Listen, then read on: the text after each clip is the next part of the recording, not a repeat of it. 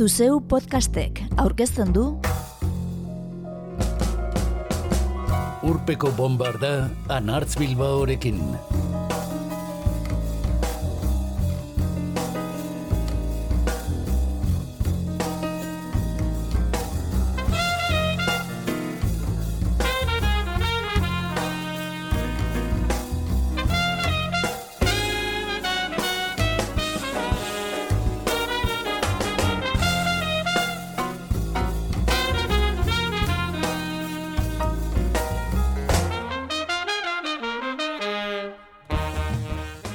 Oiez arte atarian Britaniaren inbazioa, joan etorreko bidaia, irakurri diogu Pablo Carrero kasetariari. Eta berau gai hartuta, The Beatles taldeak Ameriketako estatu batuetan arrakasta lortu zuenean irekitako aroaz mintzatuko gara gaur urpeko bombardan. Irurogeiko amarkadaz. Rock mugimendu zabala izan zela eta, Britaniaren aldetik The Beatles esesik, The Rolling Stones, The Kings, Yardbirds, Pete and Gordon, Petula Clark eta Dusty Springfield entzungo ditugu. Eta joan etorreko bidaia izan zela dugunez tesia, estatu batuaren aldetik The Birds, Jefferson Airplane eta 13 Floor Elevators. Ordur arte bogan zirenen eta etortzear zirenen ordezkari, baita Don McLeanen American Pie eta Elvis Presley ere.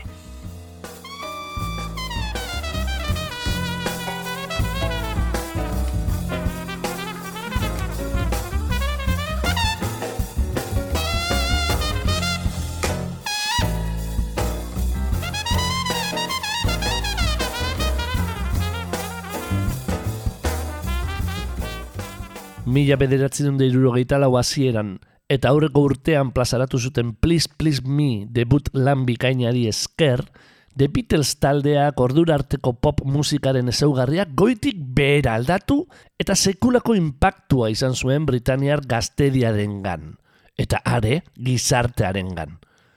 Britania handiko kutxunak ziren Fat Four goitizenez ezagunaten laukoteko kideak, eta gorenean zen Beatles mania. Britanian ditik kanpo ordea, zetorrenaren zurmurru bat baino ez ziren. Urte bukaeran mundu osoa bere ganatu zuten arte. Hogei hogeita iru urte bitarteko mutikoak baino ez ziren orduan John Lennon, Ringo Starr, Paul McCartney eta George Harrison. The Beatles taldeak mila bederatzen da irurogeita biko urrian plazaratu zuen lehen singela. Love Me Do, P.S. I Love You eta mila bederatzen unde irurogeita iruan lehen bidizko luzeak. Please Please Me martxoan eta With the Beatles azaroan. Beraien herrialdean izar handiak ziren dagoeneko. Eta iraultza, eltzear zen ordura arte bertan ekoiztutako musika baino entzuten etzuten Ameriketako estatu batuetara. A Hard Day's Night filmeko soinu banda ontzen, laukotea Parisen zela, Brian Epstein manager ospetsuak Capitol zigiluarekin akordua egin zuen, The Beatles Ameriketako estatu batuetan argitara zezaten. Zalantzan diak zituen diskoetxeak. Arek mila bederatziren da irurogita lauko urtarlean, I want to hold your hand Ameriketako estatu batuetan plazaratu eta singleak zerrendetako gailurra zapaldu zuen arte.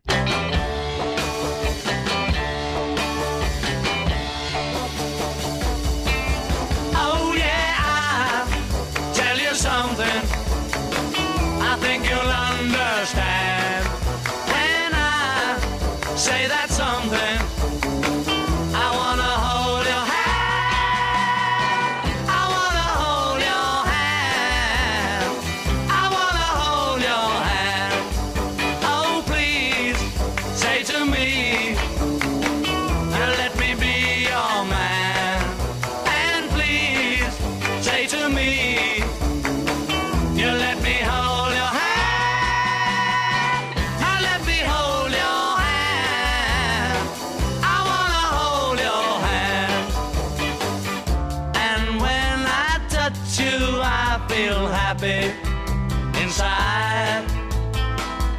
It's such a feeling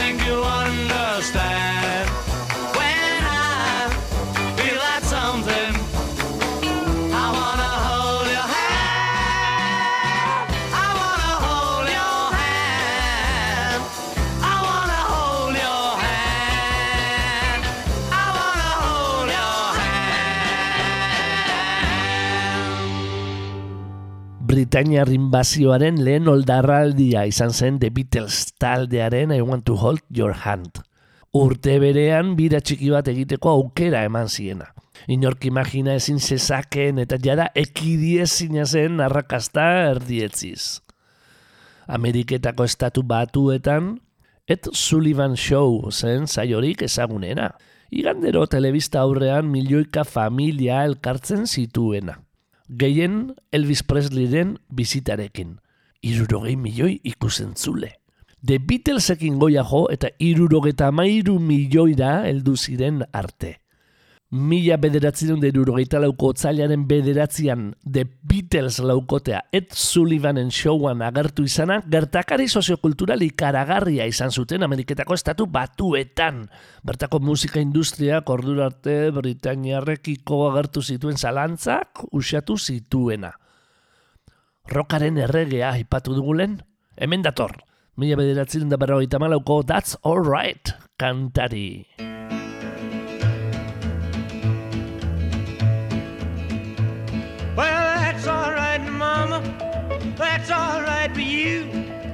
That's all right, Mama. Just any way you do that's all right.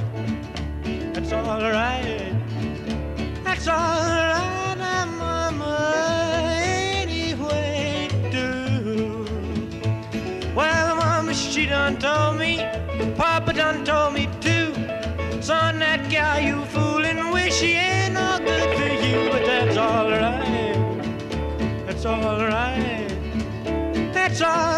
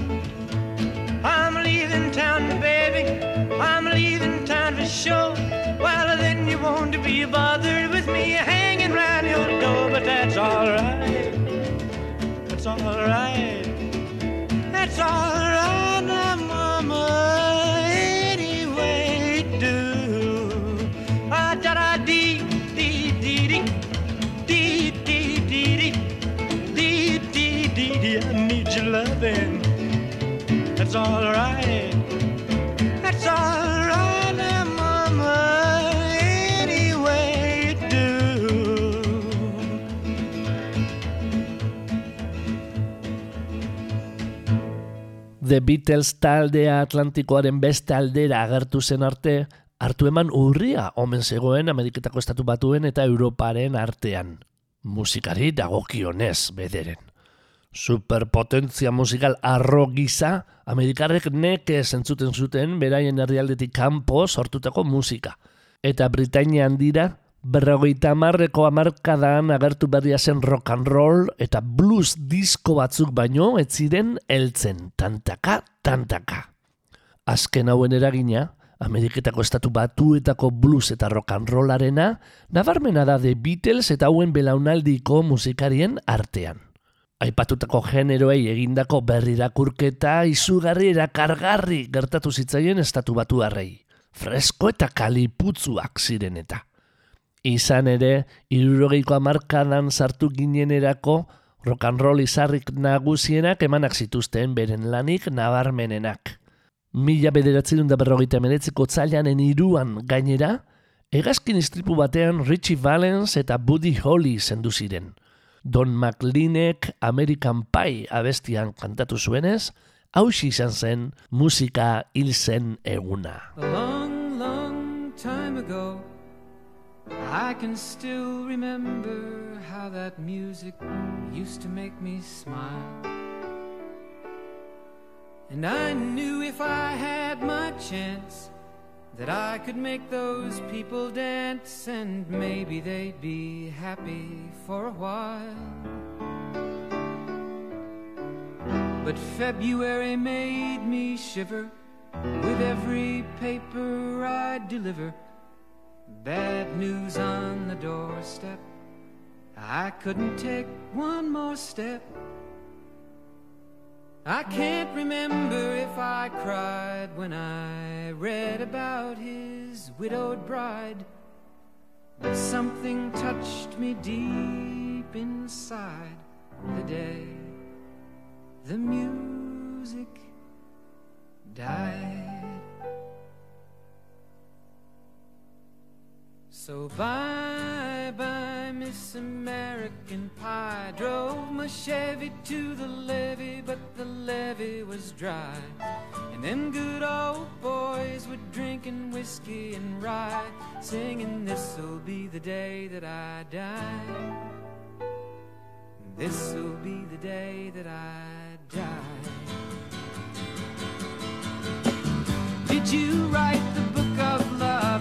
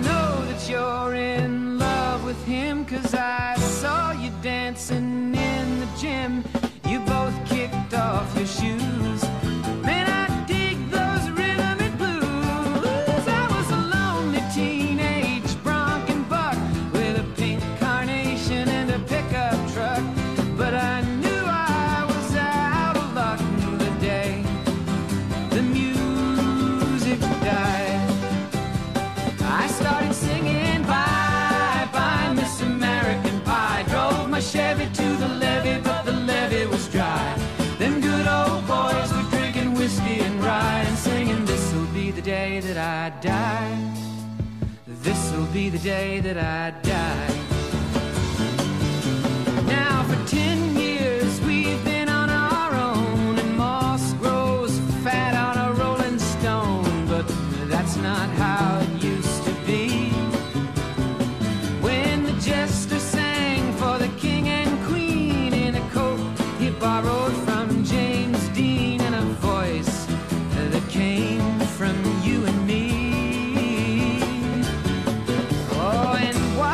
king was looking down. The jester stole his thorny crown. The courtroom was adjourned.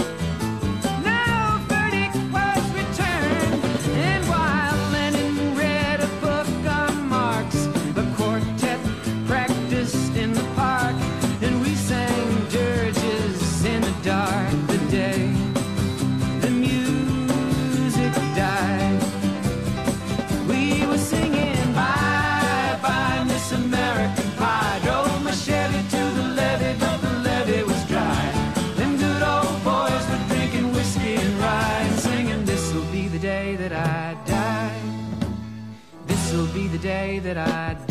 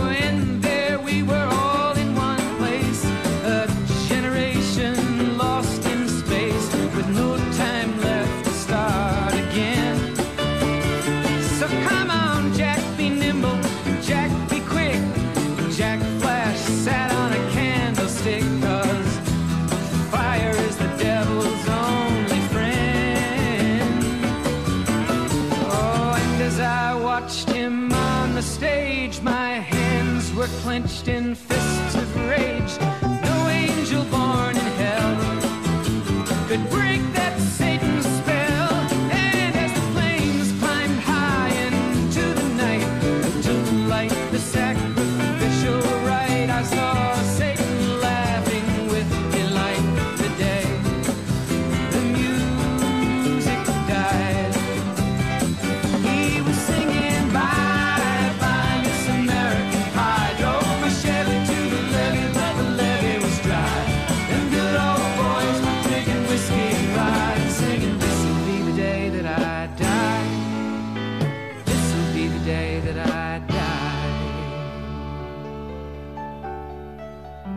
met a girl who sang the blues, and I asked her for some happy news. But she just smiled and turned away. I went down to the sacred store where I'd heard the music years before. But the man there said the music wouldn't play. In the streets the children screamed, the lovers cried, and the poets dreamed. But not a word was spoken. The church bells all were broken, and the three men I admire most the Father, Son, and the Holy Ghost they caught the last train for the coast the day the music died, and they were singing. Bye bye, Miss American Pie. Drove my Chevy to the levee, but the levee was dry. And them good old boys were drinking whiskey and rye, singing, This'll be the day that I die. This'll be the day that I die. They were singing, Bye bye, Miss American Pie. Drove my Chevy to the levee, but the levee was dry. Them good old boys were drinking whiskey and rye, singing, This'll be the day that I die. Kennedyren hilketarekin Ameriketako estatu batuak shock egoeran gelditu ziren mila bederatzen irurogeita iruko azaroan. Elvis Presley soldaduzkatik bueltan zen, baina jada etzekarren lehengo grina beroa, eta Frank Sinatrarekin batera zinema gintzan murgildu zen buru belarri. Gaztedi estatu batuarra umezurtz gelditu zen ereduei dagokionean. Rock'n'rollak eman zien ilusio eta kalipua behar zuten berriro. Eta The Beatles agertu zitzaien. Une eta toki aproposenean. Laukoteak rock'n'rollaren esentzia bere egin eta birziklatua sekarren bueltan Ameriketako estatu batuetara. Originala bezain bizizale eta zutzua, baina askoza sofistikatu eta dirdiratzuagoa. Impactua bere alakoa izan zen. Arestian adierazi bezala, I want to hold your hand zerrenden gailurrera heldu zen mila bederatzen deirurogeita lau hasieran. Eta taldearen lehen arrakasta agertu eta hiru hilabetera, Fat Four deiturikoen bost kantu ziren zerrendetako lehen bost zenbakietan. Jakina, The Beatlesen atzetik etorri ziren beste guztiak. Peter Asher eta Gordon Walterrek osatutako bikotea berbarako. Paul McCartney Asherren aizparen bikote izana zen, eta berak idatzi zuen Peter and Gordonen A War With Love arrakasta.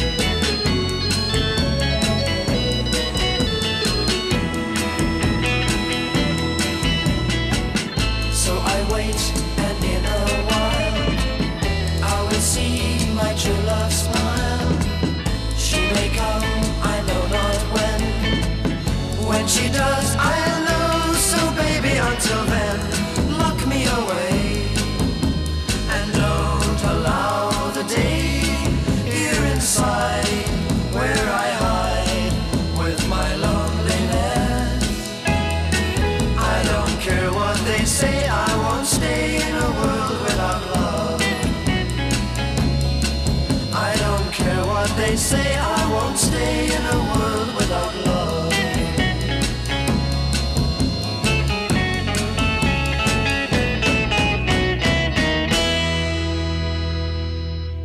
Liverpool inguruko taldeak izan ziren Ameriketako estatu batuetan arrakasta izaten lehenak.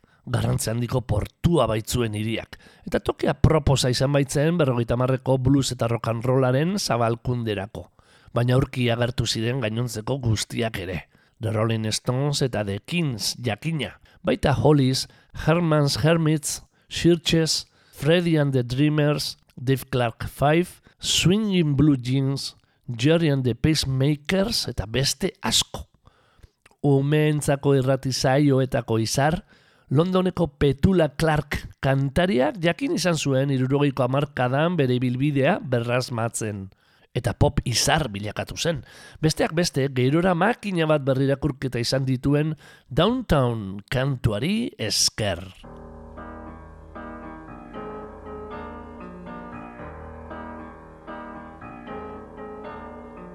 When you're alone and life is making you lonely, you can always go downtown.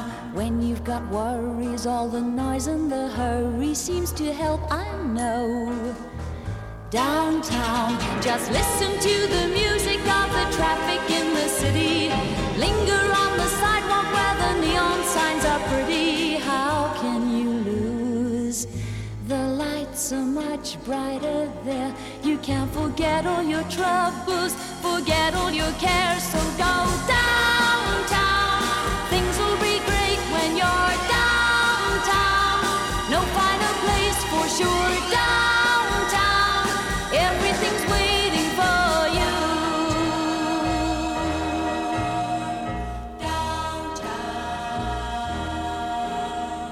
Don't hang around and let your problems surround you. There are movie shows downtown.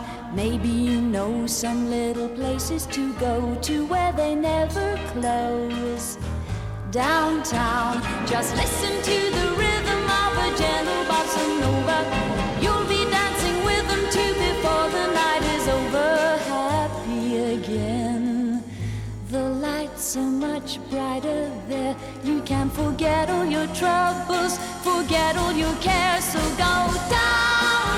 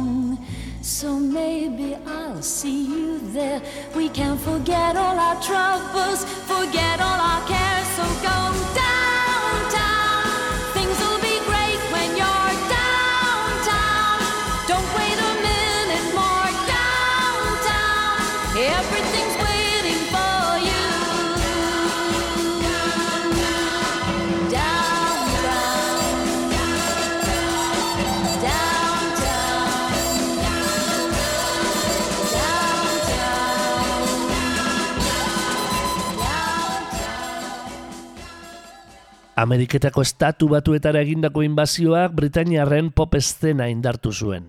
Britainia handiko diru iturri nagusienetakoa izateraino. Baina estatu batuarren eszenan ere izan zuen eragina. Ordura arte oso mugatua zen estatu batuetako pop artisten modeloa zabaldu egin zen. Kantariek beren abestia kontzen eta holtzaratzen ikasi zuten. Ezer baino lehen, folk eszenari eragin zion. Eta Bob Dylan berak ere askoz formatu moldakor eta sortzaileagoa erabili zuen ordutik aurrera. Folk rocka indartuz eta atzetik zituenei bidea irekiz. The Birds, Lovin' Spoonful, Gary Lewis and the Playboys, Simon and Garfunkel, Paul Revere and the Riders, The Mamas and the Papas, The Turtles, Bill Brumels eta beste asko. Gerosiago gainera laukoteak ugaritu ziren. The Beatlesek gorenera eraman zuen bateria basu eta bi gitarra moldean. Eta garaje rock standa gertatu zen. Eundaka talde kaliputzuren agerpenarekin.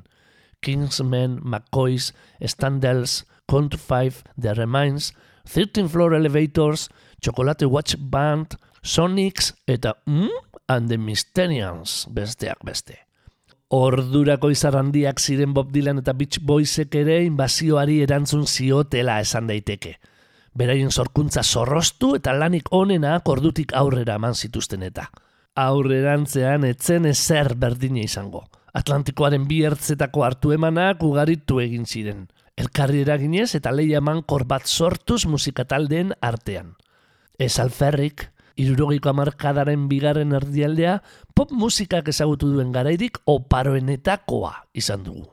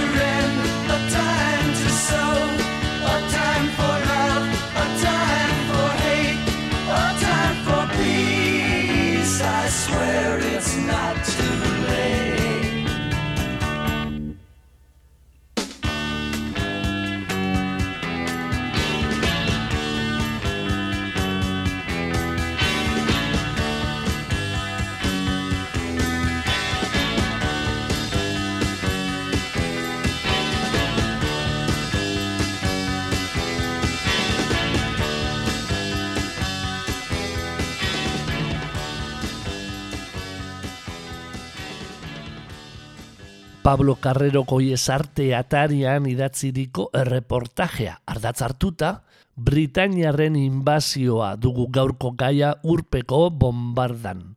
Eta joan etorriko bidaia izan zela tesia. The Birds izan genuen irurogeiko amarkadako bigarren erdialdean Ameriketako estatu batuetan sortu, Kalifornian, eta sona lortu zuen folk rock taldetako bat, Roger McGinn buru zuela. Mila bederatzen dut irurogeita bosteko Mr. Tambourine Man dute debut lana. Bob Dylanen kantuak izen burutzen duena. Eta urte berekoa bigarren lan luzea.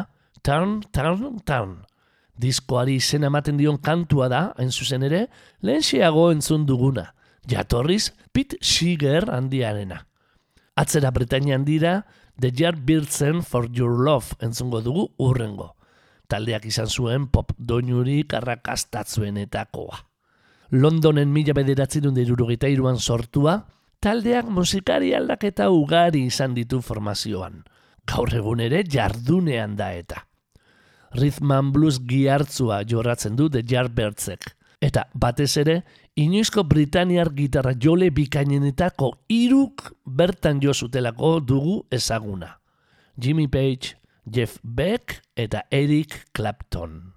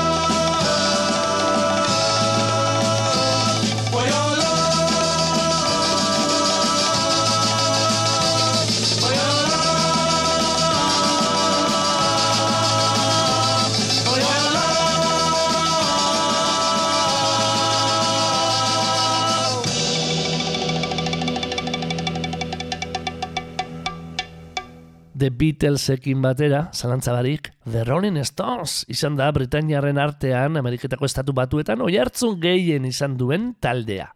Baina azken hauek ez zuten lortu arrakasta Liverpooleko laukoteak bezain azkar. Besteak beste, telebista saioetako agerpenetan gaizto edo gamberro xamarrak izatearen fama erdietzi zutelako. The Rolling Stonesek mila bederatzen dut irurogeita lauko ekainaren bostetik hogeira bitarte egin zuen lehen Amerikar bira.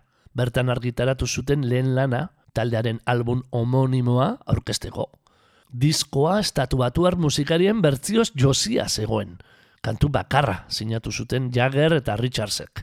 Baina ribitxia da bere osotasunean, gordina eta zorrotza. Debut singela urte bete lehenagokoa zuten. Come on!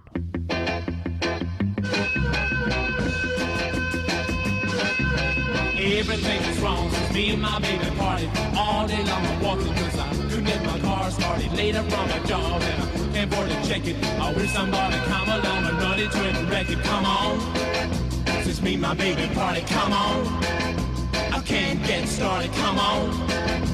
I can't afford to check it. I wish somebody come along and run it and wreck it.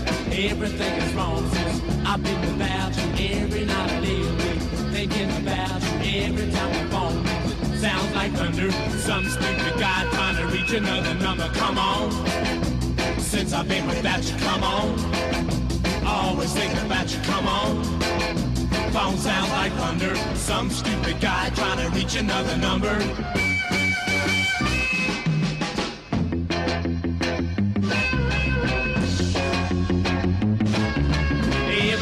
Is wrong since I last saw you, baby. I really wanna see you and I don't mean maybe. I'm doing everything trying to make you see that I belong to you, honey. You belong to me. Come on. I wanna see you, baby. Come on. I don't mean maybe. Come on. I'm trying to make you see that I belong to you and you belong to me. Come on. I gotta see you, baby. Come on. I don't mean maybe. Come on. I've gotta make you see that I belong to you and you belong to me. And come on, come on, come on, come on. Ara eta ona gabiltzala, Atlantikoa gurutzatuko dugu berriro, eta bi estatu batu talde entzun. Jefferson Airplane lehena. The Birds bezala irurogeiko amarkadaren erdialdean Kalifornian sortua, rock psikodelikoaren aitzindaria dugu Jefferson Airplane. Entzun gai izango dugun Somebody to Love ikur duena. Mila bederatzi dut zazpiko surrealistic pillow diskoan agertu zen jatorriz The Great Society taldearena den kantua. When the truth is found to be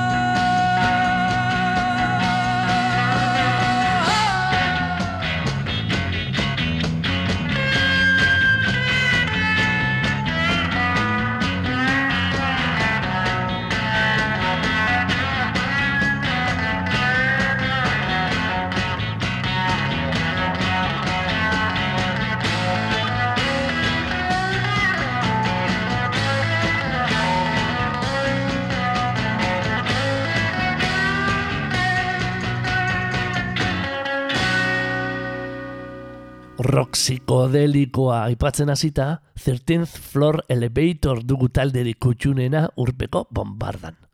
Mila bederatzen irurogeita bostean Texasen sortua, Ameriketako estatu batuetan, eta Rocky Ericksonek gidatua, taldeak estudioko hiru lan luze baino ez zituen eman, mila bederatzen irurogeita zei, irurogeita sortzi bitartean. Eta The Psychedelic Sounds of the 13th Floor Elevators debutarekin lortu zuten arrakastarik nagusiena. Batez ere, You're Gonna Miss Me kantuari esker.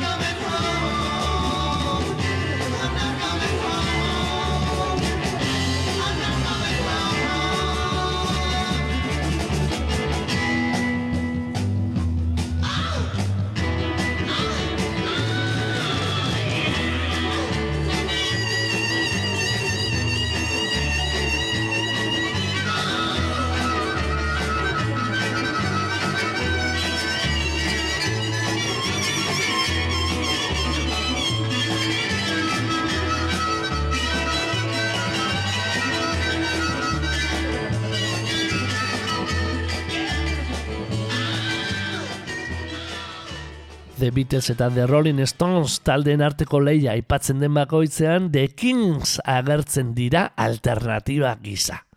Davy esan haien taldeak ere pixua handia izan zuen Britaniarren inbazioan. Mila bederatzen irurogeita bostean Ameriketako estatu batuetan egin zuten biraren ondoren eta sortu zituzten iskanbilen ondorioz, urrengo lau urteetan bertan jotzeko debekua ezarri zieten arren. Gerora, ordea, Europar talde gutxi izan dira estatu batuetan hainbesteko ospea izan dutenak. Mila bederatzen dut lauko debut homonimoa Chuck Berryren kantu bat berrirakurri zirekitzen zuen The Kings taldeak. Beautiful Delilah.